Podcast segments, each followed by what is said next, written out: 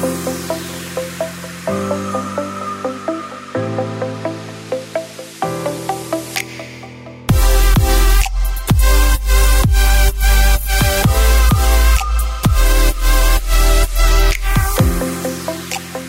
og velkommen til en ny episode av Leverspodden. Mitt navn er Emilie, og sammen med meg har jeg min faste cohost. Hallo.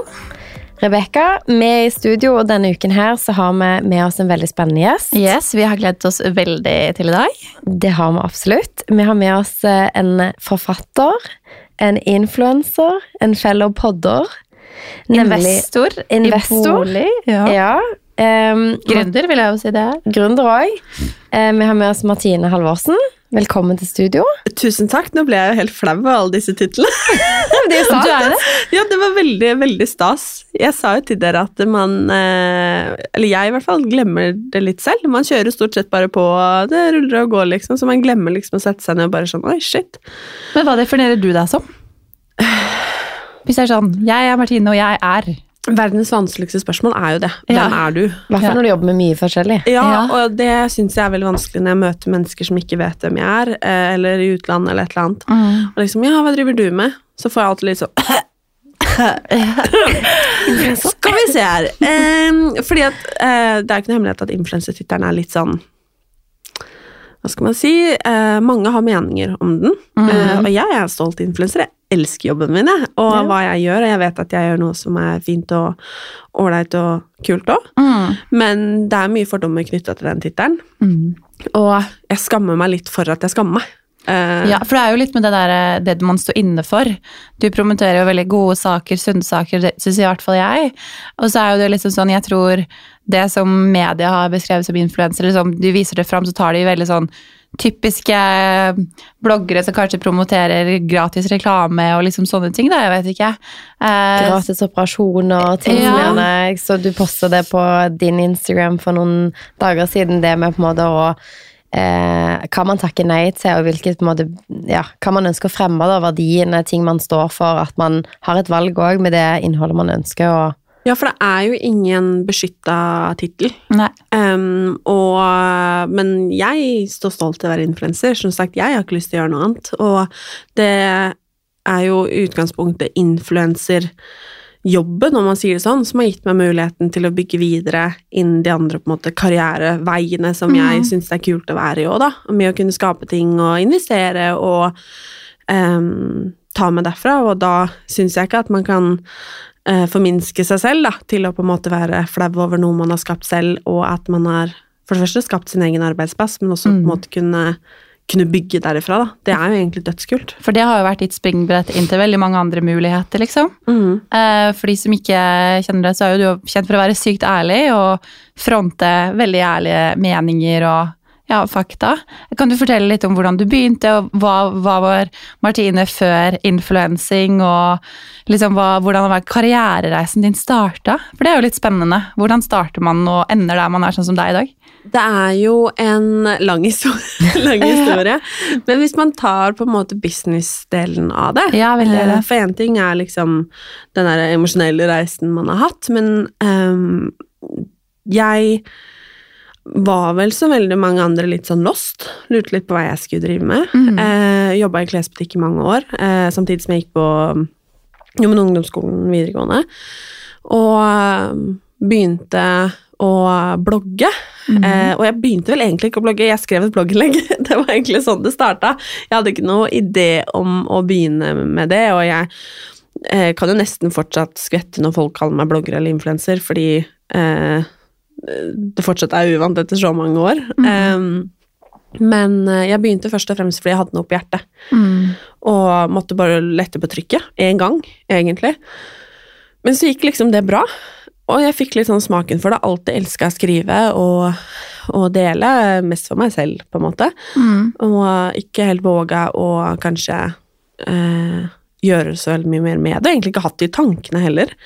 Og hvis du har spurt meg sånn Å, hva vil du bli? Hvis du spurte meg om det når jeg var 16, liksom, så ralla jeg vel på med litt sånn som Nei, kanskje jeg skal i Forsvaret, kanskje jeg skal sånn, eller kanskje jeg studerer sånn, eller sånne typiske ting, liksom. Man endrer jo ti ganger fra man er sikkert 16 til 17, på en måte. Det er, jo- du er innom alt. Det er jo nettopp det, og jeg syns det er hinsides at man sitter på ungdomsskolen i 10. klasse og liksom skal ta et karrierevalg. Ja. Av hvem man skal bli, og hva man skal gjøre. Og jeg har ikke talt mange kompiser jeg har som angrer på at de gikk på sånn vanlig studiespesialisering og ikke tok yrkesfag, for eksempel, for da hadde de jo hatt en karriere nå. Eh, Ikke at man ikke kan ha det selv om man går studiespesialisering, men de hadde hatt på en måte en karriere når de var ferdig på videregående. Um, og eh, jeg begynte da å blogge, og fikk eh, smaken på det, rett og slett. Så tok det vel et halvt år eh, før jeg fikk min første liksom, kontrakt, og det var jo veldig stas. Mm. Alt har jo vært stas på veien her. Um, og det var uh, jo egentlig aldri noe jeg hadde tenkt på. Hvor gammel var du da, når du liksom begynte å blogge? Jeg begynte jo ganske seint, for de fleste har liksom har begynt når de var 12-13. føler Jeg, liksom. jeg begynte jo ikke før jeg var Det var i 2016, om jeg husker rett. Hvor mange år siden er det? Fe- f- Seks. Seks år siden. Jeg er 24 nå. Mm. Du var 18 år, da. 18 år var jeg. Ja, det stemmer. Mm, matte er ikke min skole. Liksom, jeg har alltid vært god på skolen, men ikke matte.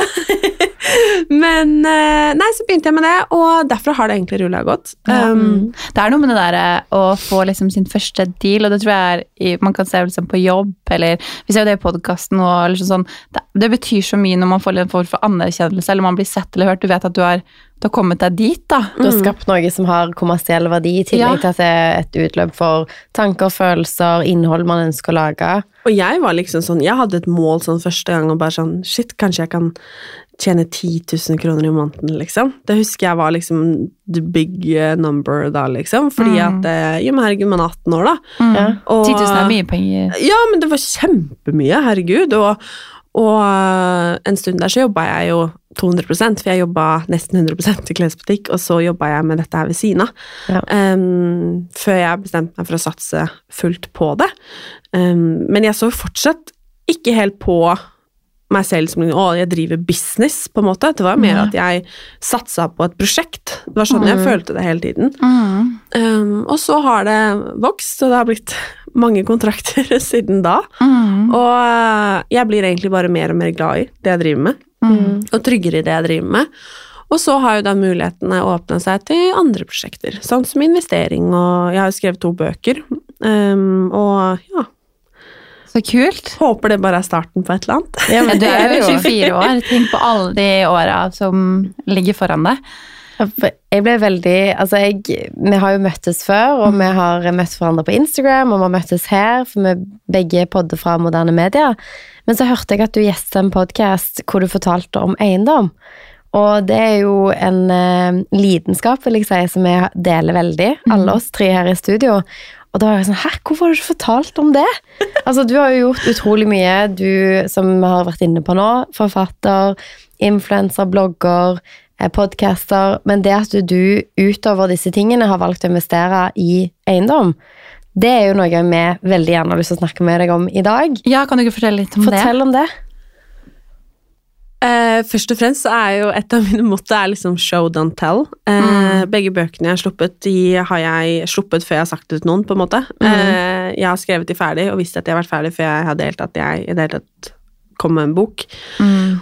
Og det er litt sånn min taktikk i livet generelt, at jeg gjør ting, og så kan jeg fortelle om det. Um, og er i utgangspunktet ikke en som forteller om så veldig mye. Um, og akkurat den eiendomsbiten, det har blitt litt uh, en annen gate for meg. Mm. Litt sånn Kall det, kall det liksom side hustle, og litt sånn Det har jeg gjort som Martine, på en måte. Mm. Um, og jeg har gjort det sammen med Kristian, samboeren min. Og uh, det begynte egentlig med at uh, vi kjøpte vår første leilighet Mm. i Hva blir det? En April-mai 2018, Mm. lurer jeg på.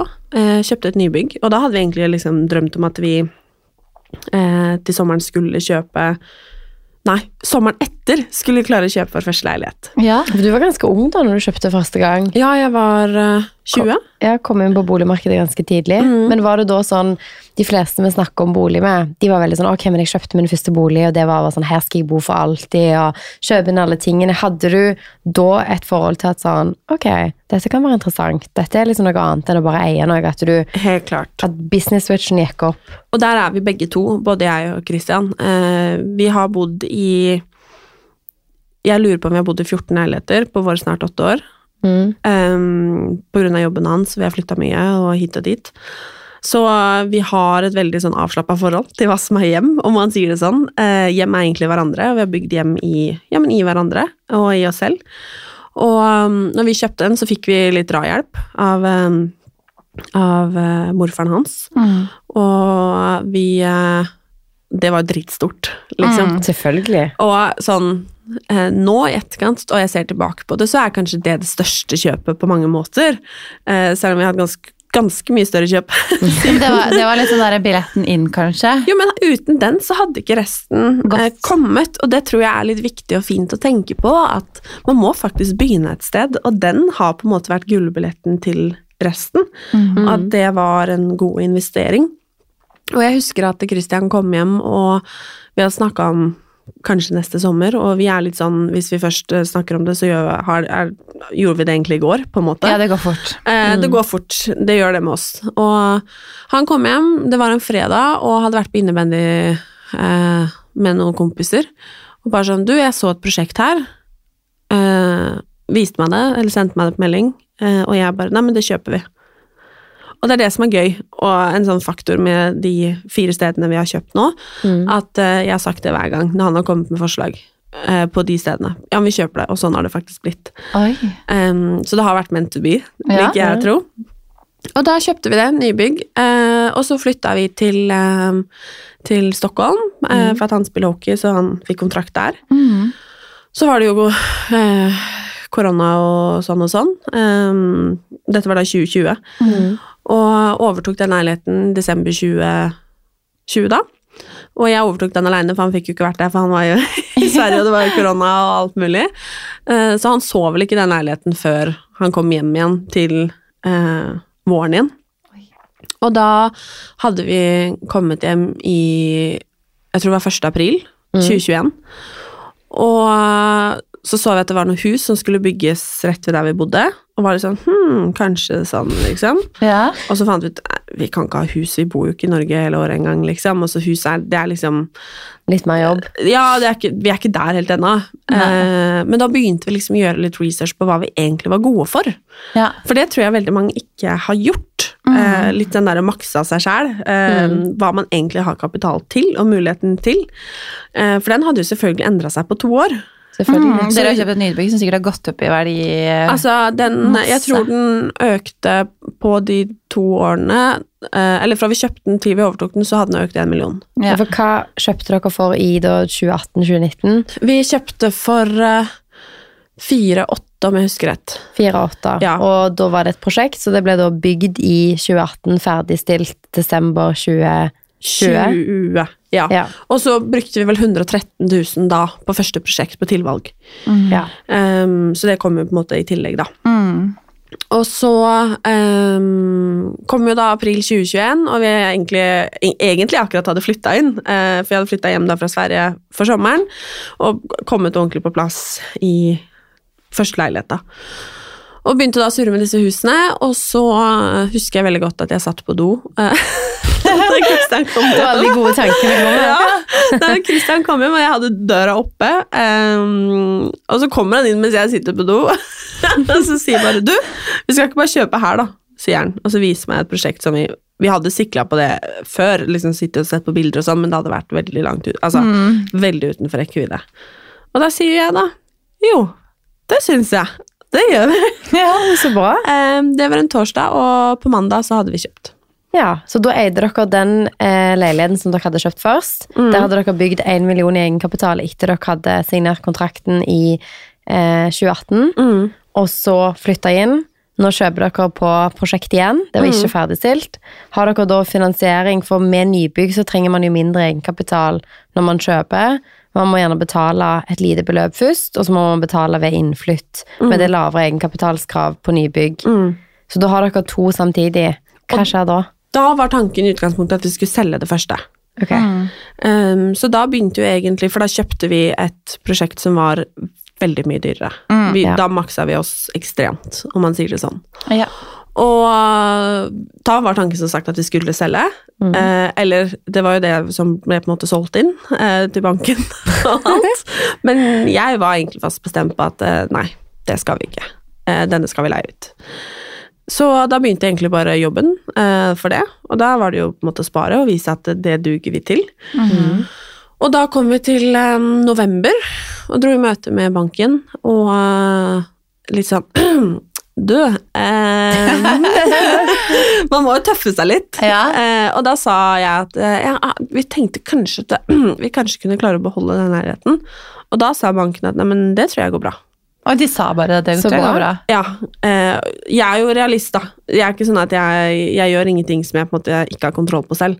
Så jeg visste på en måte at det kom til å la seg gjøre. Men, Men det krever jo en del uh, ting å sette seg inn i første planlegging og utregninger og litt sånne ting. Helt klart. Um, og jeg er veldig heldig å ha verdens flinkeste pappa. Han er ikke noe økonom eller noen ting, men han er, han er han vet mye mer om min, eh, mitt regnskap enn hva jeg gjør, for å si det sånn. Mm. Og eh, vi hadde jo regna på dette sammen, og visste at dette kom til å gå. Og han har også full innsikt i Christian sitt, og vi, Mm. vi er et lite team der. Ja. Ehm, Men det er fint å få litt uh, sparring og hjelp på, utsida for å se muligheter og kartlegge litt. Uh, Nå er vi jo uh, nå har dere gjort det kanskje noen ganger, men, Jo, men nå er vi altså, miniteam, om man kaller det sånn, på fire-fem, med meg og Kristian og pappa, og Kristina i, i banken vår, mm. og pluss regnskapsfører. Um, og da sa han at det, det går, men det fordrer jo en viss økning og sånn og sånn. Ehm, og på grunn av verdistigning, som er fantastisk med nybygg, uh, så hadde vi jo kapitalmuligheten til å gjøre det. Eh, og sto egentlig ganske godt i det. Alle andre var kjempefornøyde med at dette skulle vi få til. Herregud, vi skulle klare å ha et prosjekt på siden. Jeg derimot var ikke fornøyd i det hele tatt, for jeg skulle ha med. ja.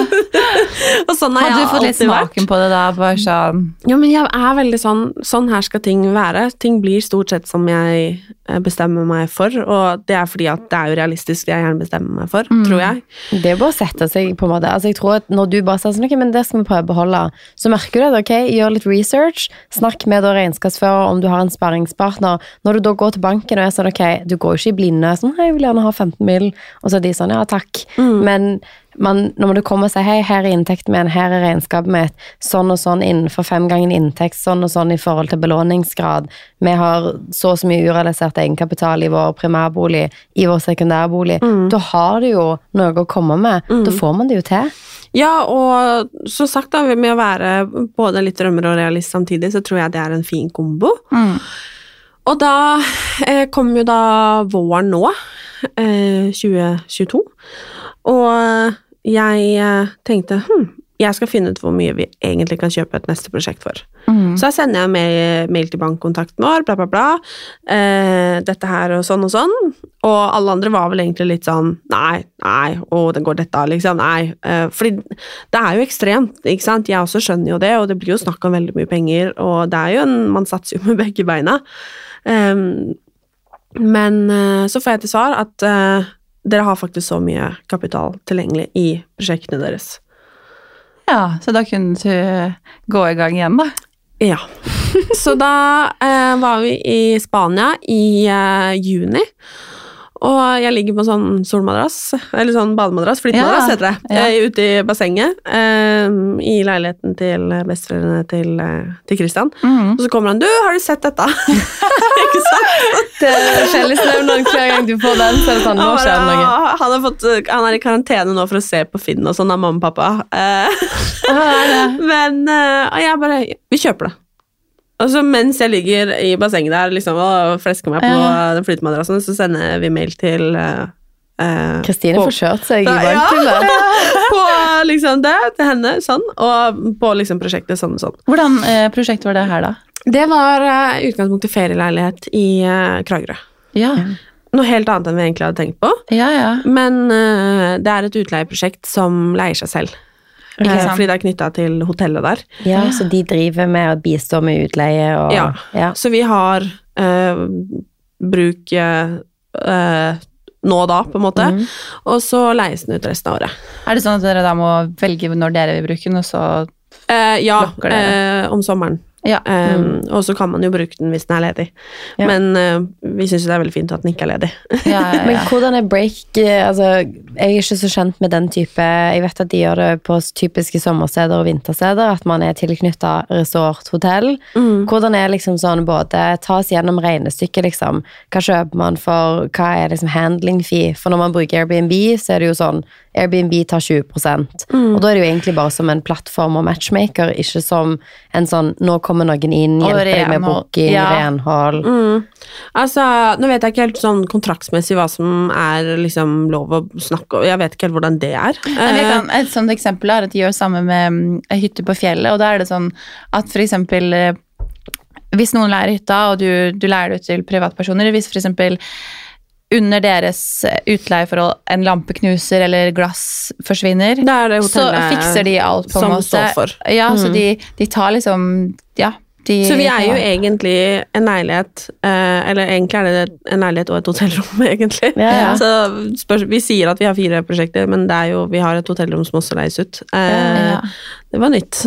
Ja. Ja, men det er gøy. Så nå har du blitt hotelleier. I er tillegg. eier et hotellrom, det tenker jeg heller ikke så veldig ofte på. Du får legge det til på CV-en. Ja, men som da leies ut gjennom hotellet, så da har de ansvar for alt, og vi bruker det når, når vi bruker det. Ja. Um, og da kom jo da Kristian da, og sa at eh, ok, og jeg sa ja. Um, og vi Dette var på torsdag. Mm. Vi skulle hjem på søndag. Eh, jeg ehm, Nei, det var det ikke. Drit i dagene. Ja. Vi dro i hvert fall, vi skulle på hyttetur. Eh, vi kom inn på lørdag, og så skulle vi på hyttetur, eh, ikke så veldig langt fra Kragerø på mandagen med mine foreldre. Så vi drar da til Kragerø på visning på mandagen, og når jeg har bestemt meg for noe, så har jeg bestemt meg. Det ble, det ble ferie. Eh, og det var vår første budrunde.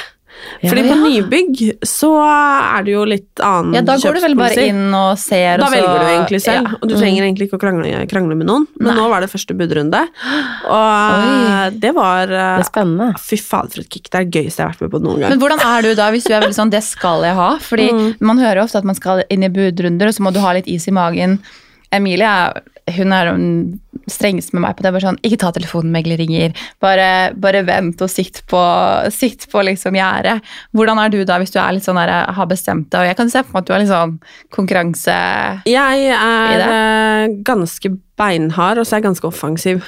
Ja. Um, og nå hadde jeg jo på en måte bestemt meg, og vi var til slutt tre stykker i eh, budrunden. Og vi hadde jo satt et tak, det må Ja. man gjøre, og det tror jeg er veldig lurt å gjøre når man skal by.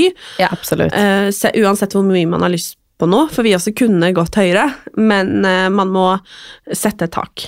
Um, Og den gikk eh, Å, herregud, nå har det blitt så mye summer hit og dit, men den gikk ganske mye over. Men jeg ser jo egentlig på det som en fordel, for da har vi på en måte økt verdien på prosjektet vi har kjøpt. Sånn liker jeg å se på det. Det ble et Um, referansepunkt for de andre som blir solgt i samme for det er en leilighet der som blir solgt nå, eh, og vi bare sånn Bare hyggelig. Ikke tenk på det, send faktura etterpå. Nå har økt prisen for deg. Men eh, da vant vi i hvert fall den, da. Ja. Eh, og plutselig så hadde vi tre steder. Ja. Um, Superhappy og superfornøyd, og bare herregud, shit, liksom. Men den tjener inn seg selv, den da ved utleie? Så dere har på en måte egentlig ikke noen kostnader knytta til å ha den boligen i Kragerø? Nei, vi, har, vi betaler jo når fakturaene kommer, men det kvitter seg. På en Ikke sant? Ja. Um, og så um, Ja, gikk det vel Ja, For det er en til. Det er Det er fire. en til! Hva skjedde her? Ja, og det her var jo våres. Eh, Dette var i sommer. Ja, i sommer. Alt dette skjedde i juli. Og nå er vi i september. Så nå har du hatt din første budrunde, og du er på leilighet eller hus eller feriebolig tre. Mm. Bare vent til du er i budrunde når du skal selge. Jeg trodde jeg elsker budrunde når jeg skal kjøpe, for jeg elsker spenningen, elsker liksom gamet, Mm. elsker å kjøre liksom taktikk når du går på visning, sånn alt det der, supergøy. Mm. Men når du skal selge, og du bare er sånn, åh, det plinger, det er et nytt bud, liksom, og du bare er sånn, ok, der gikk marginene våre opp, liksom. Det er så gøy. Altså, ville budrunder kan jo være en årslønn, liksom, fordi at noen bare er sånn, jeg skal ha den leiligheten. I know. Det, og det har vi ikke prøvd ennå. Nei? Men og det har jeg ikke tenkt å prøve ennå Nei, heller. for du, du jobber primært med på en måte utleie, da. Mm. Det er utleie vi har gått for. Og hva, hva er den fjerde, da? Ja, hva skjedde? Um, Det må ha skjedd nylig, det, da. Ja, det, alt skjedde jo som sagt i juli. Så Ja. det var liksom, da hadde vi kjøpt et prosjekt, og så ehm, er vi også i Spania. eh, for vi var i Spania en uke i to omganger Ja. eh, i sommer. eh, når eh, dette dukker opp. Og Christian igjen kommer og sier Du, har du sett dette? Men har dere snakka om det på forhånd at vi skal se videre, eller hadde egentlig liksom bestemt dere om Jeg tror vi bare vet det. Det på seg. Ja, vi bare, vi, jo, vi snakker om vi snakker selvfølgelig mye om det. Ja. Mm. Uh, nei, vi visste egentlig ikke om det gikk da, for da hadde vi på en måte egentlig maksa altså, Det. Det er ikke hver dag man kjøper to leiligheter på en, egentlig tre uker, Nei. på en måte. Uh, det er jo Og dette er viktig å si, for dette kan jo uh, oppleves som litt sånn what the fuck for folk, ikke sant? Mm. Men tingen er jo at um, det er litt sånn som man sier at det er den første millionen som er vanskeligst å tjene. Mm. Fordi dette bygger seg jo Man tar jo kapital i de forskjellige prosjektene, så på mange måter Det er feil å si at det blir enklere for hvert prosjekt, Mm. men kapitalen øker for hvert prosjekt. Så um, det er ikke sånn at uh, vi har økt vår inntekt med 1000 liksom over Nei. sommeren, liksom. Det er ikke det det er snakk om. Nei. Men prosjektene eh, øker jo kapitalen vår, og det er jo det som er eh, både vanskelig å få til eh, og ehm, stort å få til. Ja. Mm. Eh, men det er jo viktig å si at det er ikke sånn at vi liksom bare driter penger her, liksom. Det er ikke det det er snakk om. For det som er viktig å ta med nå, at det, akkurat det du sier, er at liksom sånn Boliglånsforskriften i Norge legger jo føringer for hva man kan kjøpe ut ifra hva inntekt man har, og hva gjeld man har som en enkeltperson, men også som et par. Og det du har gjort sammen med kjæresten din, er jo at når du har kjøpt et prosjekt, så har man ledig egenkapital i kjøpet. Hvis du gjør det superenkelt å si at dere har kjøpt en bolig for en million, og nå er den verdt to millioner, så har dere én million ledig penger, eller også kalt sikkerhet, som bank, Pant, som jeg liker å kalle det. eller Ja. pant. Sånn at banken kan da ta pant. De gjør ingenting med den millionen som står ledig, men de tar pant i den for neste bolig. Nettopp. Og det er jo den snøballeffekten du kan ta nytte av når du har flere enn én bolig. Og det er jo derfor det første prosjektet er gullkortet vårt, på en måte. Det er derfor Absolutt. det var så viktig. Ja. For det er jo den vi på en måte egentlig har maksa alt hva vi kan. Mm. Og øh, da kom vi i hvert fall øh, var, var vi i igjen, og øh, Christian viser sånn og sånn, og jeg ringer da til pappa og sier du Og bankkontakten var på ferie, men jeg sier altså beklager, liksom. Jeg kan ikke vente. Eh, så Kristina da får kjørt seg eh, på ferie. Litt dårlig samvittighet for det, jeg takka, takka for det, men jeg kunne jo ikke vente. Eh, Den Nei. boligen sto jo ikke på vent. Nei, når det skal skje, så må det skje. Nettopp. Og da, det var da vi eh, kom hjem på søndag. Jeg sendte mamma og pappa på visning på søndagen. Ja. Og vi fikk komme på privat visning på tirsdagen. Ehm, og liksom, ja, dette her ser bra ut. Banken jobber på spreng for å få dette til å gå. Hvor lå den? Eh, I Oslo. Ja. Og det er jo litt problemet, fordi Mm. at da kreves det jo en helt annen egenkapital når den ligger, er en sekundærbolig i Oslo. ja. Det er Eh, 40% egenkapital. Det er 40% egenkapital, og vi bare Oi, shit. Ehm, eh, så nå har vi uh, satsa med armer og bein. Ehm, men jeg veldig, står veldig trygt i det. Eh, det Ja, i hvert fall tilbake til historien. Eh, bestemmer jo da ok, shit, denne vil vi ha. Dette var på tirsdag. Budrunden skulle begynne på fredag. Og det var satt opp ny visning for, for alle på en måte på torsdagen.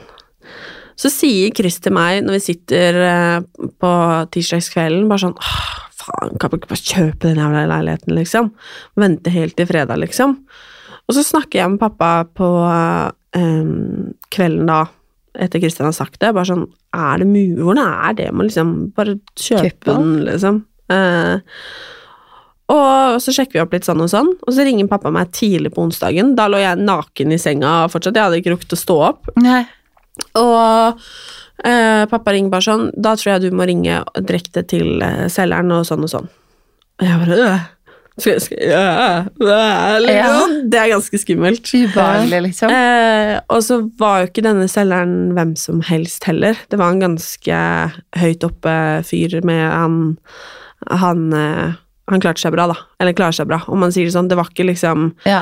Han var, måtte ikke selge sånn Han eh, måtte ingenting, for å si det sånn. Var dette en sekundærbolig for han, eller var ja, ja, dette ja. En av mange. Okay. Eh, og jeg, da følte jeg meg veldig liten da jeg lå, og Ja. bare Å, fy Nei, du er jo eh, hotelleier. Kom inn der med leilighet nummer 4, 24, og hva gjorde du når du var 24? Liksom? Altså, du må jo bare gå inn guns blazing her. Der, eh, jeg måtte liksom da, Og da sender jeg han en SMS. Liksom, Hei, du, eh, tror du jeg kunne ringt Altså litt sånn. Ja. Det var selvfølgelig en bra melding, men det var sånn jeg følte meg. Ja, ja. Så går det kanskje eh, to minutter eller sånn, og så ringer telefonen. Og jeg ligger fortsatt naken i senga. Og har liksom hei, sånn, og presenterer seg. Jeg liksom hei, sånn. Og så sier jeg eh, at uh, vi har vært på visning uh, to ganger på den leiligheten her, um, og vi vil veldig gjerne ha den. Og jeg er interessert i dette beløpet. Og han liksom ja, eh, ja, sånn. Jeg bare ja, jeg vil gjerne ha den nå. Eh, det er fint om du kan eh, si fra innen to timer om dere aksepterer bud eller ikke. Du ga han to timer, altså. Det var ikke sånn 30 minutter, ring meg tilbake. Nei, jeg sa to timer. Jeg har aldri gjort dette før. nei. så jeg sa to timer. Um, og det som var litt morsomt, var at han i telefonen sa 'Hvem av leiligheten gjelder dette?' Og da skjønner du liksom. Jeg bare, han bare 'Hva lå den ute for igjen?' Jeg bare 'Du, det skal jeg si deg'. Um, Det gikk rett inn på vision board. Det var- jeg vil gjerne si den setningen om tre år. Nettopp. Hvilken er det du tenker på? Ja, nettopp. Uh, så det, vi var der, liksom. Uh, det var, jeg følte meg litt sånn David og Goliat-opplegg, men uh, han sier ja, greit, eh, jeg, jeg ringer deg, liksom, sier han. Og så går det ti minutter, og så får jeg en SMS der han skriver eh, Hei, litt sånn Det er jo et stort steg å eh, selge før eh, visning, eh, men eh, hvis du kan gå opp til dette, så er den deres. Og da skrev jeg bare eh, deal, skrev jeg. Og så svarte han bare gratulerer. Sykt Ja, ja. Og det som er, var at Christian var på trening. Så du kjøpte Eh, leilighet mens uh... Ja, han visste ingenting. Så jeg sendte han bare melding og bare sånn Grattis med ny leilighet, da. Så sjukt bra. Og så uh, uh, Ja, hva heter det? Så ja, var det plutselig sånn. Men det ordna seg med banken og Det seg. Ja, jeg hadde jo ikke, vi gjorde ingenting uten banken, selvfølgelig. Men ja, men eh, nå, holdt, nå holder det litt grann, da, til vi i hvert fall Nå må vi ta en takst på alt vi, Har. vi eier og har, for nå overtar vi det som skal være vårt hjem, da, eh, neste uke. Ja, Ja, for for da er flytter dere inn i det Nei, det er ikke hus, det er en leilighet i eh, leilighet i Asker. i Asker. Ja. Ja, så nå okay. har vi en leilighet i Kragerø, vi har to leiligheter i Asker, og så har vi en i Oslo. Ok, Ja, ikke sant. Og den ene i Asker skal vi bo i selv. ja. Mm.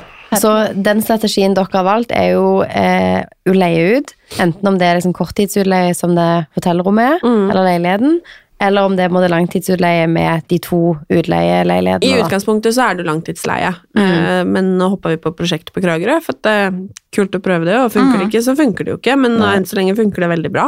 Ja. Så, og så har vi valgt å benytte oss av eh, utleiemegleren til Ja. utleie på de to andre prosjektene, og kommer til å gjøre det på nye prosjekter også, fordi um, jeg har jo ikke tenkt å gi meg, liksom. Uh, og det er veldig greit at det er Det tenker jeg er en sikkerhet for både de som leier, og, og for meg, som, eller oss, da, som utleier.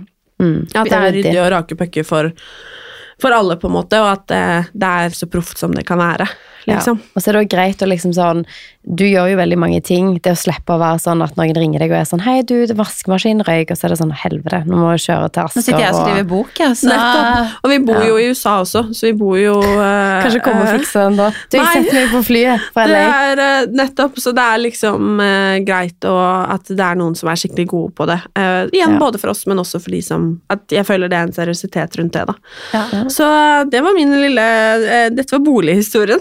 Det var ekstremt Det var ikke så fint lite det, da. Nei, jeg er ekstremt imponert av hva du har fått til.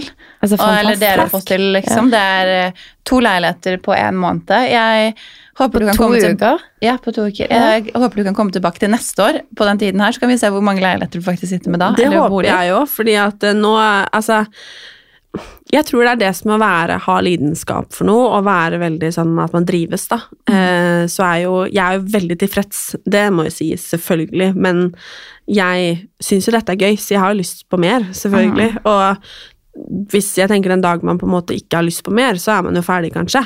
Ja, ja. Eh, man har jo lyst til å utvikle det, og det kan godt hende at det plutselig tar en helt annen retning, hva vet Ja, jeg. Men eh, jeg håper jo at om et år at vi sitter med en til, i hvert fall. Ja. Ja, Men har du liksom, for nå er det utleie. Eh, har du tenkt på liksom sånn, ok, kjøpe leilighet hvor du pusser opp, hvor det For utleie, da kjører du jo en sak Hvis du kjører på prospekt, så er det jo at du har verdiøkning fra prospektet lages til det ferdigstilles, i tillegg til liksom generell prisvekst etter det. Når du pusser opp, så har du jo et ekstra element at oppussingen gir en avkastning i seg sjøl, utover de andre faktorene, og eventuelt leie. Er du liksom keen på det? Eh, ja, det har vi snakka mye om. Problemet igjen da, er jo bare at eh, vi bor i USA også. Så det er liksom vanskelig å skulle pusse opp et bygge opp et mens, team. Ja. eh, ja, og vi har snakket om det òg, så det er, eh, det er mye mulig. Og det føler jeg på en måte så lenge man har eh, inntektene til å ta utgiftene Fordi det er jo det som er kjekt med eh, den leiligheten vi kjøpte i Oslo nå, var at For oss hasta det jo litt, fordi det var jo så mangel på boliger. ikke sant? Og jeg syns jo faktisk altså, det var litt fint å kunne gjøre, skape en trygg og fin bolig for tre stykker, eh, som trengte et sted å bo også. Eh, men den ble jo leid ut fort, ikke sant? og det gjorde den i Asker også. Um, eh, og da slipper man på en måte utgiftene også. Men Ja. vi har jo også tenkt kanskje man kan kjøpe en leilighet som man kan pusse opp, eh, og som man kan bare Da gjør det ikke noe at det tar litt tid. Ja. Men samtidig igjen, da kreves det jo en 40% egenkapital, ikke sant. Det er jo Det kan du ordne med er, uh, ledig sikkerhet og ledig Ja. pant til de andre prosjektene. Det er akkurat det. Så det blir veldig spennende, fordi det prosjektet vi har kjøpt som skal være hjemmet vårt her hjemme i Norge nå, det, det er jo et kjempeprosjekt, om man Ja. sier det sånn. Og der uh, kommer det til å være mye ledig kapital, eh, både nå, men også på sikt. Så det blir veldig, veldig spennende å se hvilke muligheter det gir oss. Og det er Vi er ekstremt ydmyke til dette her, og generelt i livet. Ja. Men det er veldig kult å kunne bygge, bygge på denne måten. Og jeg tror veldig mange tenker sånn at ok, fordi at man er i fire leiligheter og sånn og sånn, og eh, verdien vår er jo ekstremt høy nå, eh, med tanke på det, men det er jo ikke sånn at det, disse pengene Vi er ikke rike nå på grunn av det. Liksom. Det, nå er det egentlig bare hodebry på mange Ja, for man måter. føler seg ikke rikere i øyeblikket, men man vet jo at sånn, når du gjør det, så bygger du verdier over tid. Det er jo nettopp det. Og du bygger en inntektskilde som på en måte skjer hver måned. Mm. Hver måned så betales ditt lån ned av leieinntekter, enten fra eh, bookinger gjennom utleiemegleren på hotellrommet eller leiligheten, eller de som betaler leie hver måned. Så det er òg en trygghet at du bygger egenkapital, og du får en cashflow. Jeg ser egentlig på det som en kjempesparing, jeg. Ja, Det er liksom det er det. sparekontoen min, pensjonen min, og man må også huske at Christian driver med toppidrett, og det er ferskvare. Ja. Og noe kan skje i morgen, og så er han ferdig, eh, banker bordet og alt det der, eh, men det er en tidlig pensjonsalder, Ja. og det er klart at eh, det er jo også noe vi tar sikt på, at vi bygger en trygghet for når han er ferdig med liksom. Ja, men Mm. altså når han er ferdig med jobben sin, så um, skal han jo sikkert fortsette å jobbe med noe annet eller i samme felt, det, det vet vi jo ikke ennå, men at vi i hvert fall da har benytter muligheten nå til å bygge oss den sikkerheten, og vi satser alt vi eier å ha på det. Um, så det er ikke sånn igjen at For det føler jeg misforstås litt, at uansett hvor mye eller lite du har, så har du de utgiftene du har. Sant? Og vi makser utgiftene våre nå, så det er ikke sånn at vi flotter oss Hadde vi ikke hatt alle disse fire prosjektene, så kunne vi virkelig gjort det. Men, vi, men vi velger jo nå å på en måte legge alt vi har i dette, fordi jeg har steintro på det. Og. Det er Ja. utrolig viktig. jeg syns det er Hovedmotivasjonen min er jo å gjøre en forskjell på statistikkene. Ja. Og grunnen til at jeg begynte med fondssparing ikke sant, og Ja. fikk en interesse for investering, det var Hun investerer-kampanjen eh, med- til DNB. Mm. Eh, og det, når jeg så alle forskjellene, eh, økonomiske forskjellene på hver mann og kvinne i Ja. både verden, men også i Norge Og jeg husker at jeg leste statistikken om at 81% av de som tjener over en million, er menn.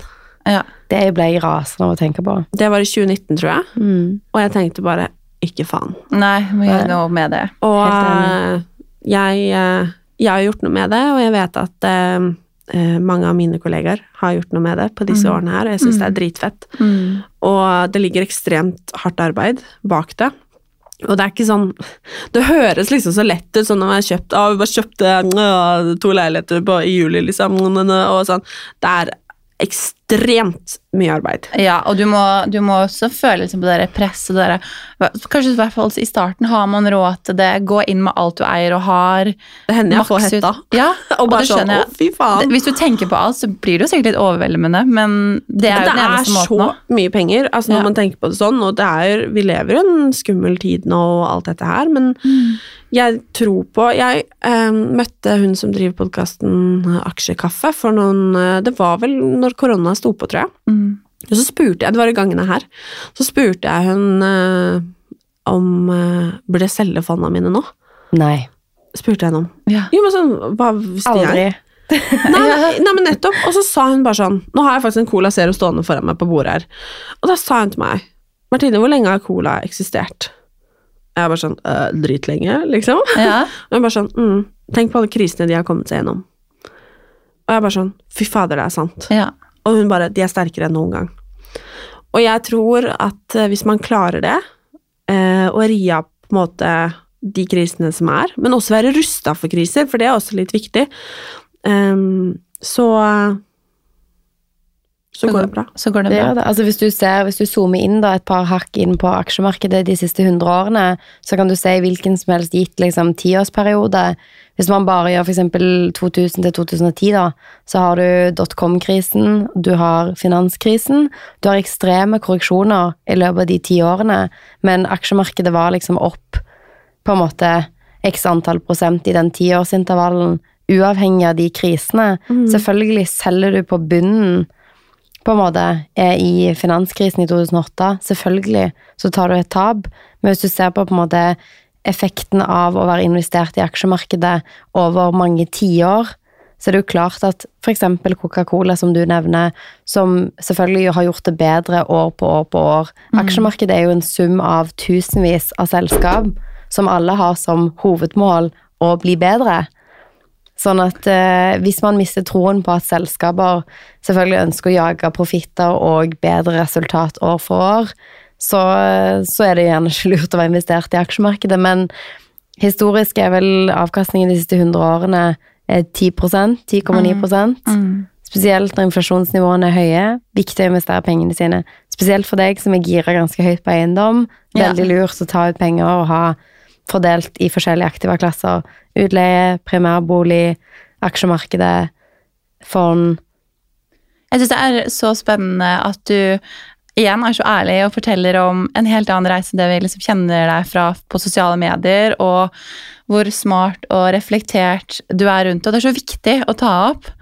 Um, kan ikke du si Har du noen tips til de som hører på i forhold til hvordan man begynner en reise som du har? Gode tips i forhold til det med å investere når man investerer i bolig, kanskje spesielt nybygg. Hva er liksom dine go to-regler når du ser etter nye prosjekter?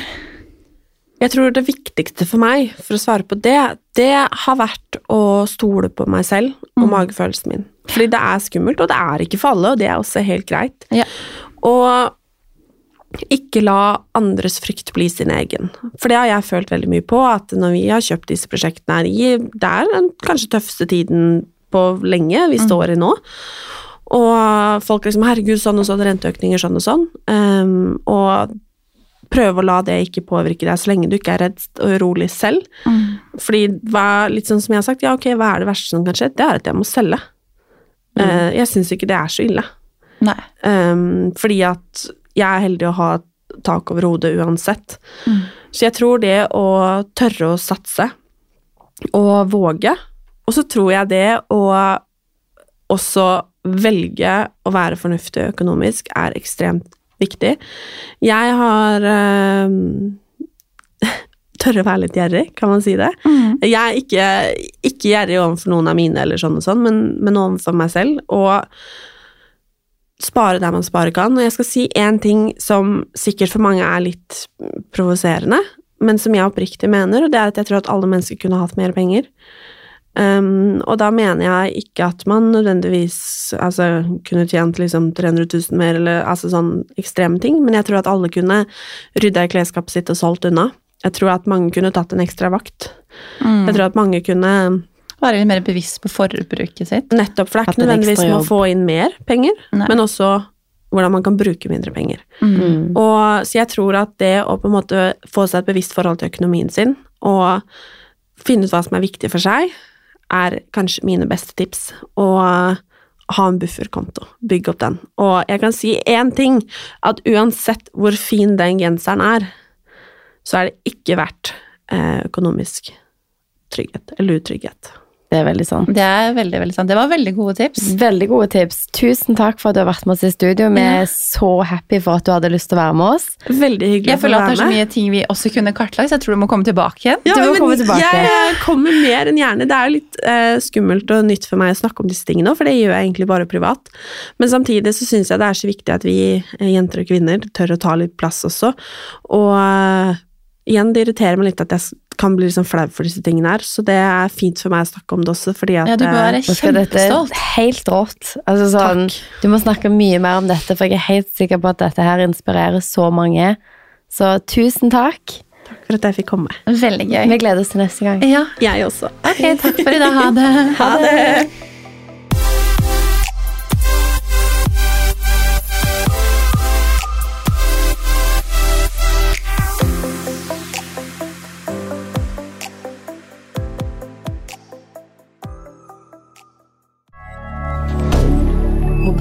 regarder